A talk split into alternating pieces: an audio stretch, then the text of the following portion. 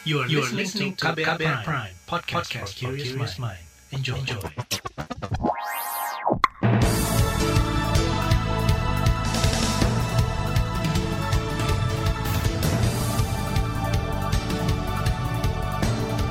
Selamat pagi saudara, senang sekali kami bisa menjumpai Anda kembali melalui program Buletin Pagi edisi Senin 26 Juli 2021 bersama saya Naomi Liandra. Sejumlah informasi pilihan telah kami siapkan di antaranya pemerintah perpanjang PPKM level 4 hingga 2 Agustus. Oksigen langka, koalisi warga somasi Presiden Jokowi, Menkes dan Mendak. DKI Jakarta sebut tak pernah tutupi data pasien isoman. Inilah Buletin Pagi selengkapnya terbaru di Buletin Pagi. Pemerintah memperpanjang kebijakan pemberlakuan pembatasan kegiatan masyarakat atau PPKM level 4 hingga Senin pekan depan. Presiden Joko Widodo mengatakan keputusan perpanjangan dilakukan dengan mempertimbangkan aspek kesehatan secara cermat, termasuk aspek sosial ekonomi masyarakat, khususnya pemenuhan kebutuhan hidup sehari-hari. Dengan mempertimbangkan aspek kesehatan, aspek ekonomi dan dinamika sosial, saya memutuskan untuk melanjutkan penerapan PPKM level 4 dari tanggal 26 Juli sampai dengan 2 Agustus 2021. Namun, kita akan melakukan beberapa penyesuaian terkait aktivitas dan mobilitas masyarakat yang dilakukan secara bertahap dengan pelaksanaan yang ekstra hati-hati sebagai berikut. Presiden Jokowi menambahkan pasar rakyat yang menjual sembako bisa buka seperti biasa dengan protokol kesehatan. Sementara pedagang kaki lima, toko kelontong, pangkas rambut, pedagang asongan, dan usaha lain sejenis diperbolehkan buka hingga pukul 9 malam. Sementara warung makan, jajanan, dan sejenisnya yang memiliki tempat usaha di ruang terbuka diizinkan buka pukul 8 malam dan maksimal waktu makan pengunjung 20 menit. Jokowi mengatakan pengendalian dan laju penambahan kasus positif COVID-19 mulai menunjukkan tren perbaikan di beberapa provinsi di Pulau Jawa. Selain itu, pemerintah juga meningkatkan pemberian bantuan sosial untuk masyarakat dan usaha mikro kecil yang terimbas PPKM level 4. Koordinator PPKM Jawa Bali Luhut Binsar Panjaitan mengatakan level 4 akan diberlakukan di 95 kabupaten atau kota di Jawa Bali, sedangkan 33 kabupaten atau kota di Jawa Bali PPKM level 3. Menurut Luhut, perpanjangan ini dilakukan berdasarkan tiga indikator utama sesuai panduan dari Organisasi Kesehatan Dunia WHO. Pemberlakuan PPKM level 4 dan level 3 ini dikaji berdasarkan tiga faktor utama yaitu indikator laju penularan kasus dan respon sistem kesehatan yang berdasarkan panduan dari WHO. Dan indikator ketiga adalah kondisi sosioekonomi masyarakat. Dan Presiden menekankan betul yang terakhir ini, yaitu kondisi sosio ekonomi masyarakat. Luhut yang juga Menteri Koordinator Bidang Maritim dan Investasi ini menyebut pemerintah pusat telah berkoordinasi dengan seluruh kepala daerah terkait pelaksanaan teknis PPKM di level itu. Sementara itu, Koordinator PPKM di luar Jawa Bali, Erlangga Hartarto menambahkan, sebanyak 45 kabupaten atau kota di 21 provinsi luar Jawa Bali akan memperlakukan PPKM level 4 dan level 3 untuk 276 kabupaten atau kota. Sementara itu Gubernur Jawa Barat Ridwan Kamil berharap ada perubahan aturan di pelaksanaan PPKM level 4 di Jawa Bali. Mohon doanya mudah-mudahan ada pengumuman dari pemerintah pusat bahwa PPKM level 4-nya bisa direlaksasi sehingga kegiatan masyarakat di jalan, di pasar, dan lain sebagainya itu bisa kembali lebih baik seperti sebelum Idul Fitri. Gubernur Jawa Barat Ridwan Kamil mengklaim Jawa Barat telah melewati puncak darurat COVID-19 minggu lalu. Menanggapi perpanjangan itu, Komisi Kesehatan DPR meminta pemerintah memperbaiki dan meningkatkan upaya pengendalian pandemi dengan 3T dan vaksinasi, bukan hanya membatasi mobilitas dan kegiatan masyarakat saja. Selain itu, anggota komisi yang membidangi kesehatan DPR Kurniasi Mufidayati mengatakan, pemerintah harus cepat menyalurkan bantuan sosial untuk masyarakat. Ya, kita kalau memang PPKM ini mau dilanjutkan, bantuan sosial dan BLT kepada masyarakat yang sudah berteriak, sudah men menjerik ini tolong diperhatikan. Kemudian juga kita menyoroti tentang 3T. PPKM darurat tidak diiringi, diiringi dengan peningkatan 3T itu useless menurut kita. Mas jangan masih banyak bicara PPKM darurat tapi kontennya tuh nggak jelas alat ukurnya, indikatornya. Anggota komisi yang membidangi kesehatan DPR Kurniasi Mufidayati juga mengingatkan pemerintah melaksanakan kebijakan pembatasan masyarakat secara komprehensif dan berkesinambungan. Anggota fraksi Partai Keadilan Sejahtera itu meminta pelaksanaan PPKM level 4 diimbangi dengan peningkatan 3T dan vaksinasi yang masif. Sementara itu menurut epidemiolog dari Universitas Griffith Australia Diki Budiman, pemerintah sebaiknya tidak melonggarkan PPKM. Alasannya belum ada dampak signifikan dari PPKM darurat selama dua minggu dan PPKM level 4 selama lima hari kemarin. Indonesia juga masih kritis menghadapi pandemi COVID-19. Uh, hampir seluruh wilayah di Indonesia ini, ya, provinsi, ya berdasarkan laporan WHO, penambahan kasusnya lebih dari 50 persen dalam sebulan sebulan terakhir ini. Dan itu menunjukkan bahwa situasi saat ini masih sangat kritis. Bahkan dibandingkan tahun lalu atau bulan-bulan lalu di tahun 2021 eh, saat ini adalah fase di mana laju prevalensi maupun penyebaran itu sangat tinggi amat sangat tinggi amat sangat tinggi. Dan ini tentu sangat mengkhawatirkan kita ya. Epidemiolog dari Universitas Griffith Australia Diki Budiman menyebut pemerintah harus memperbanyak upaya pengendalian 3T untuk keluar dari situasi kritis pandemi COVID-19. Selain harus memenuhi indikator untuk pelonggaran, pemerintah juga harus membuat solusi lain yakni menaikkan pengetesan dan pelacakan hingga 1 juta per hari.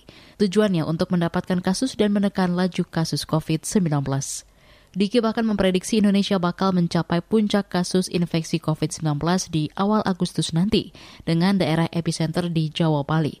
Oleh karena itu, pemerintah diminta mengantisipasi agar lonjakan tak terjadi di daerah lainnya.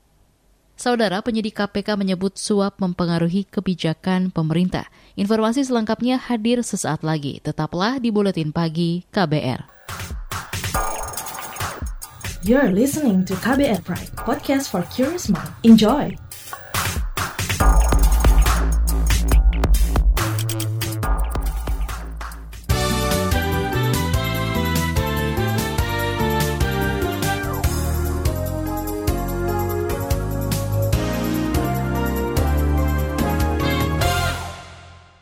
Ratusan organisasi yang tergabung dalam koalisi warga untuk hak atas kesehatan melayangkan somasi kepada Presiden Joko Widodo, Menteri Kesehatan, dan Menteri Perdagangan atas kelangkaan oksigen di tengah lonjakan kasus COVID-19.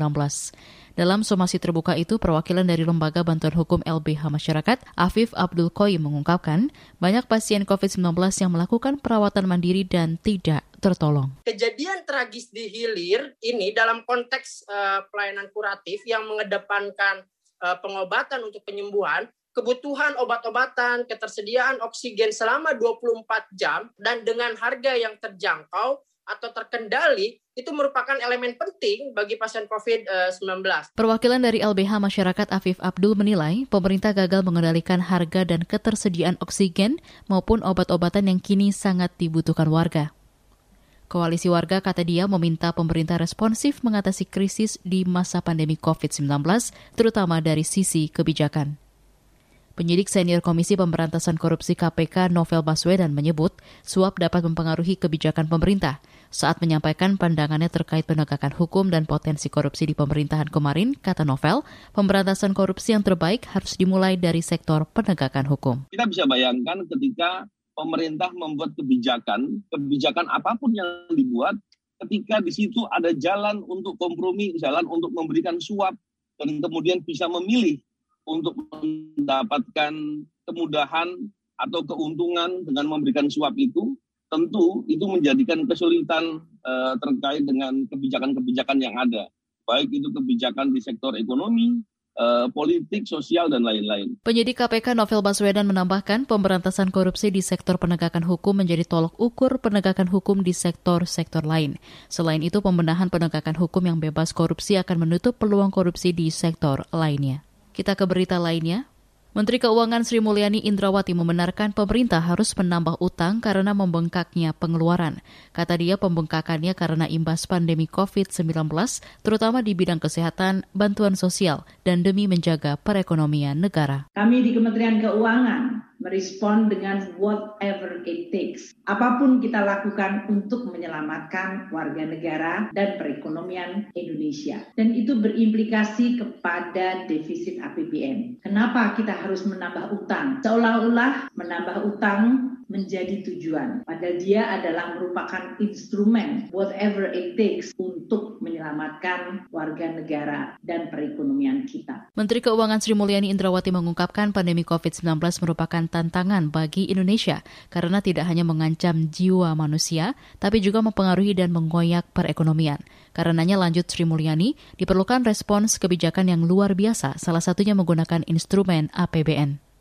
Kamar Dagang dan Industri Kadin Indonesia bersama TNI Polri menggelar vaksinasi COVID-19 gratis di Jakarta Convention Center atau JCC mulai Sabtu kemarin hingga hari ini. Menurut Ketua Umum Kadin Indonesia Arsyad Rashid, vaksinasi COVID-19 gratis ini dilakukan untuk membantu mempercepat terbentuknya kekebalan kelompok. Jadi kita melakukannya dua-duanya, yang gotong royong, kalau untuk yang gotong royong itu adalah untuk meringankan beban daripada biaya pemerintah agar bisa dialokasikan untuk yang lainnya Sedangkan vaksinasi, membantu vaksinasi adalah untuk membantu upaya mempercepat daripada proses vaksinasi yang ada. Dan rencananya Kadin Indonesia nantinya ini adalah dari awal Pak. Jadi nantinya sekalian kita akan melakukannya di 34 provinsi di Indonesia dalam rangka untuk upaya membantu yang namanya tadi bangsa kita bersama-sama melawan ini. Ketum Kadin Indonesia Arsyad Rashid menambahkan, vaksinasi massal ini menjadi wujud nyata Kadin membantu pemerintah memerangi pandemi COVID-19. Selain itu, Kadin juga berencana membuat rumah darurat oksigen di setiap provinsi, membantu akses warga mendapatkan tabung oksigen. Kementerian Perindustrian menerbitkan surat edaran tentang operasional dan mobilitas kegiatan industri OMKI pada masa kedaruratan kesehatan masyarakat COVID-19. Menurut Menteri Perindustrian Agus Gumiwang, surat edaran ini akan menjadi pedoman bagi perusahaan industri dan perusahaan kawasan industri melaksanakan operasional dan mobilitas, terutama di tengah PPKM level 4 saat ini. Menteri Perindustrian Agus Gumiwang menambahkan perusahaan dan kawasan industri yang telah memiliki izin operasional dan mobilitas kegiatan industri atau OMKI juga diwajibkan menyampaikan laporan pelaksanaan secara berkala. Aturan operasional itu juga memuat sanksi administratif berupa peringatan tertulis, penonaktifan, dan pencabutan izin. Kita ke informasi mancanegara. Pemerintah Malaysia mengumumkan penambahan 17.000 kasus baru COVID-19. Menurut Kementerian Kesehatan Malaysia, penambahan tersebut memecahkan rekor angka kasus tertinggi harian di negara itu. Dengan penambahan itu, kasus baru COVID-19 di Malaysia telah mencapai 1 juta kasus. Sebanyak tiga wilayah dengan kasus COVID-19 terbanyak yaitu Selangor, Kuala Lumpur, dan Kedah. Di tengah penambahan kasus itu, Perdana Menteri Malaysia Muhyiddin Yassin akan mengumumkan kelonggaran standar operasi prosedur atau SOP khusus, termasuk melintasi perbatasan beberapa hari lagi. Beralih ke informasi olahraga dan Olimpiade Tokyo 2020. Lifter angkat besi Indonesia Eko Yuli Irawan berhasil menyumbangkan medali perak di cabang angkat besi kelas 61 kg putra Olimpiade Tokyo 2020 kemarin. Eko Yuli meraih medali perak dengan total angkatan 302 kg. Medali emas direbut wakil Cina, Li Fabin, dan medali perunggu menjadi milik lifter Kazakhstan, Igor Son. Dengan perolehan medali itu, hingga semalam Indonesia menempati peringkat ke-19 perolehan medali sementara Olimpiade Tokyo 2020. Saudara, sesaat lagi kami hadirkan Saga KBR mengenai minoritas hidup damai di Kota Doa. Tetaplah di Buletin Pagi. You're listening to KBR Pride, podcast for curious mind. Enjoy!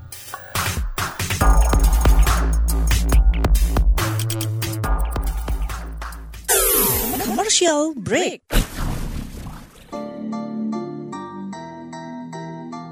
Come on yo. Buat yang sukanya berhoax, you better listen to this one. Check this one out yo. Hati-hati kalau baca kabar Hoax. Jangan langsung disebar kabar yang Hoax. Kalau mau tahu kabar benar atau Hoax. Dengerin cek fakta yang pasti bukan Hoax. Dengerinnya setiap Senin yang jelas bukan Hoax. Cuma ada di kbrprime.id Hoax. Dan aplikasi podcast lainnya Hoax. Sudah cukup-cukup hoaxnya? Hoax. Cukup Jaga emosi, tahan jari, verifikasi sebelum dibagi. Saya Aribo Sasmito, Ketua Komite Pemeriksa Fakta Mafindo. KBR Prime, podcast for curious mind.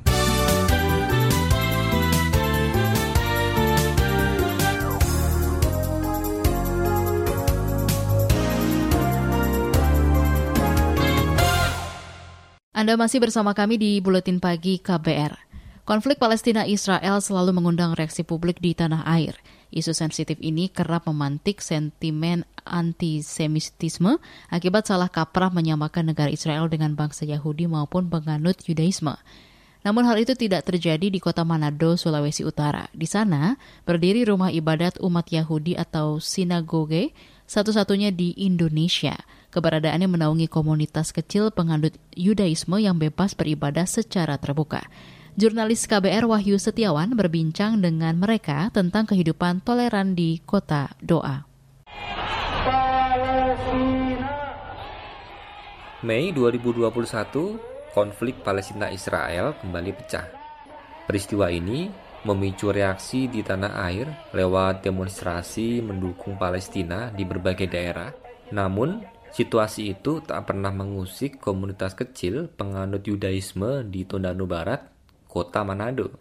Rabi atau pemuka agama Yahudi Yakov Baruj. Orang-orang di Manado itu sangat dewasa, baik kalangan Muslim, Kristen, apalagi yang mayoritas itu mereka sangat-sangat tolerannya tinggi.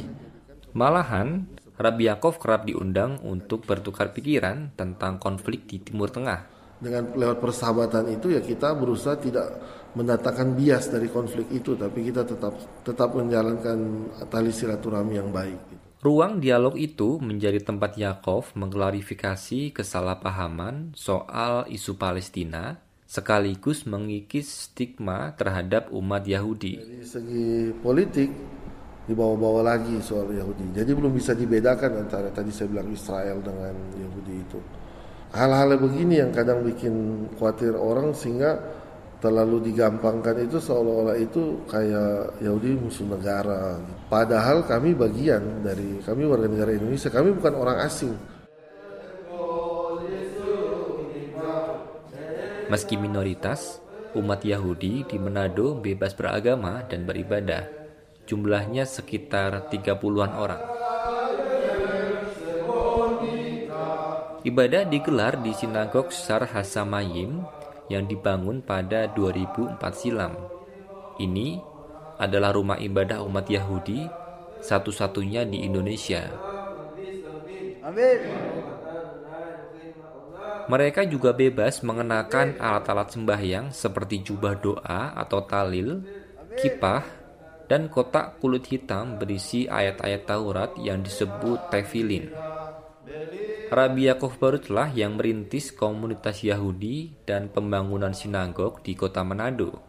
Ia lahir di Jakarta, kemudian pindah ke Manado ketika usia SD. Saat duduk di bangku SMA, pria berusia 39 tahun ini mengetahui punya garis keturunan Yahudi. Sejak itu, ia mulai mempelajari agama nenek moyangnya. Lagi masuk bangku kuliah, saya mulai mendalami lebih jauh dan di awal-awal kuliah tersebut saya mulai menghubungi orang-orang Yahudi yang lain untuk membuat sinagoga waktu itu di Manado. Kemudian setelah itu, dulu waktu awal itu sebelum bentuk ini itu eh, yang rabi itu selalu di sini apa-apa saja kalau misalnya ada perlu bantuan di sini. Jenny yang beragama Kristen mengenang saat awal mula sinagog dibangun. Komunitas Yahudi bertetangga dekat dengan warga sekitar. Waktu Rabi e, menikah dulu, kawin dulu itu diundang sama tetangga semua tetangga di sini.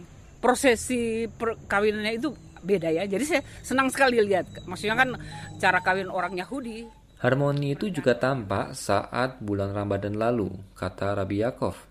Sinagog mengundang komunitas Kusturian Manado untuk buka puasa bersama. Mereka melakukan doa maghrib di sini karena kami siapkan karpet. Di situ saat mereka ber, uh, sholat maghrib kami ada yang berdoa secara waktu Yahudi di sama-sama di petang dengan beda barisan tentunya supaya tidak mengganggu yang sholat. Tapi kami bisa merasakan gimana kedamaian dari ilahi itu dari Tuhan itu turun ke.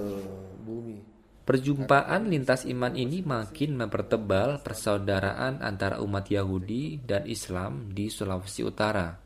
Tokoh Gus Durian Manado, Taufik Bilfaki. Saya juga lewat uh, kesempatan ini mau tegaskan, kami akan tetap berada di wilayah terdepan untuk ikut memberikan dukungan, mensupport, menghormati serta memberikan apresiasi kepada pemerintah kalau kemudian teman-teman sinagog, teman-teman Yahudi yang ada di Minahasa itu diberikan ruang sebebas-bebasnya, diberikan kesempatan dan ini harus menjadi inspirasi buat daerah lain tindakan nyata kami untuk melebur dengan kelompok lain kan kami undang datang. Yakob berharap perdamaian lintas iman ini terus terjalin di kota doa dan menular ke daerah lain.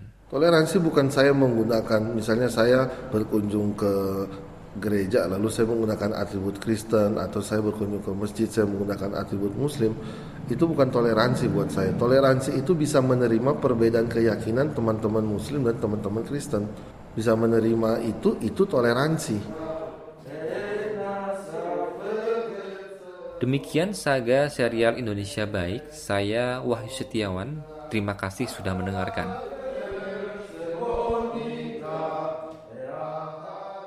Informasi dari berbagai daerah akan hadir usai jeda. Tetaplah bersama Buletin Pagi KBR. You're listening to KBR Pride, podcast for curious mind. Enjoy!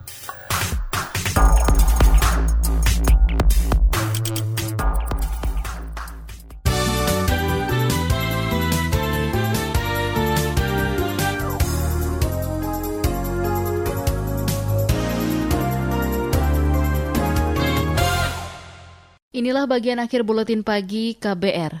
Pemerintah Provinsi DKI Jakarta menyatakan tidak pernah menutupi data pasien yang menjalani isolasi mandiri baik yang sembuh maupun meninggal. Hal itu disampaikan Gubernur DKI Jakarta Anies Baswedan merespons banyaknya kasus kematian pasien isolasi mandiri di Jakarta. Kami di Jakarta tidak pernah menutupi data, tidak pernah mengurangi, tidak pernah menambahi. Bila ada yang meninggal kita laporkan, bila selamat kita laporkan tidak pernah ditutup-tutupi. Karena itu Jakarta mungkin satu-satunya yang punya data tentang isolasi mandiri statusnya seperti apa.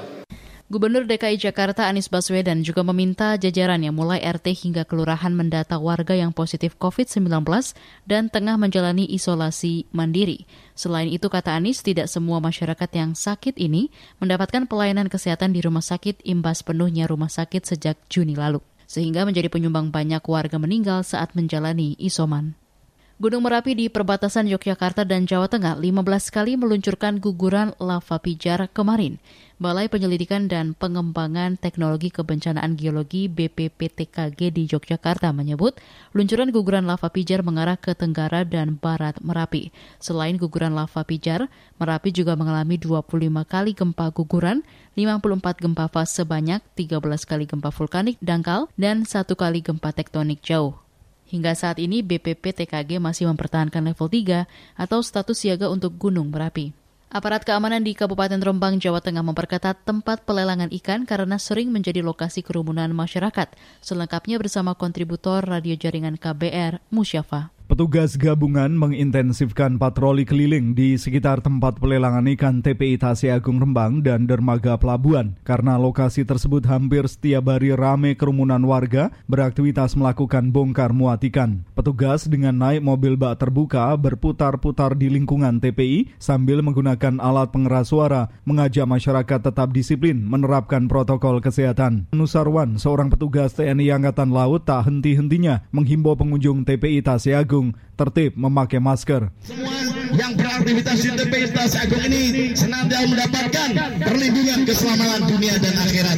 Oke, tetap semangat ya. Protokol kesehatan untuk yang belum melaksanakan kami himbau untuk kenyamanan kesehatan bersama masker selalu dipakai. Sementara itu, Kepala Pelabuhan Perikanan Pantai P3 Tasi Agung Rembang, Yunus Mintarso, mengatakan pantauan sekaligus ajakan protkes menjadi kegiatan rutin karena banyak warga yang beraktivitas di kawasan pelabuhan. Musyafa R2B Rembang melaporkan untuk KBR. Informasi tadi menutup jumpa kita di Buletin Pagi hari ini. Pantau juga informasi terbaru melalui kabar baru, situs kbr.id, Twitter kami di akun @beritaKBR, serta podcast di alamat kbrprime.id.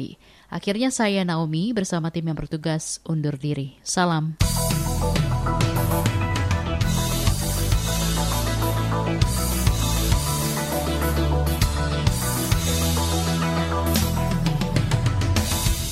KBR Prime, cara asik mendengar berita. KBR Prime, podcast for curious mind.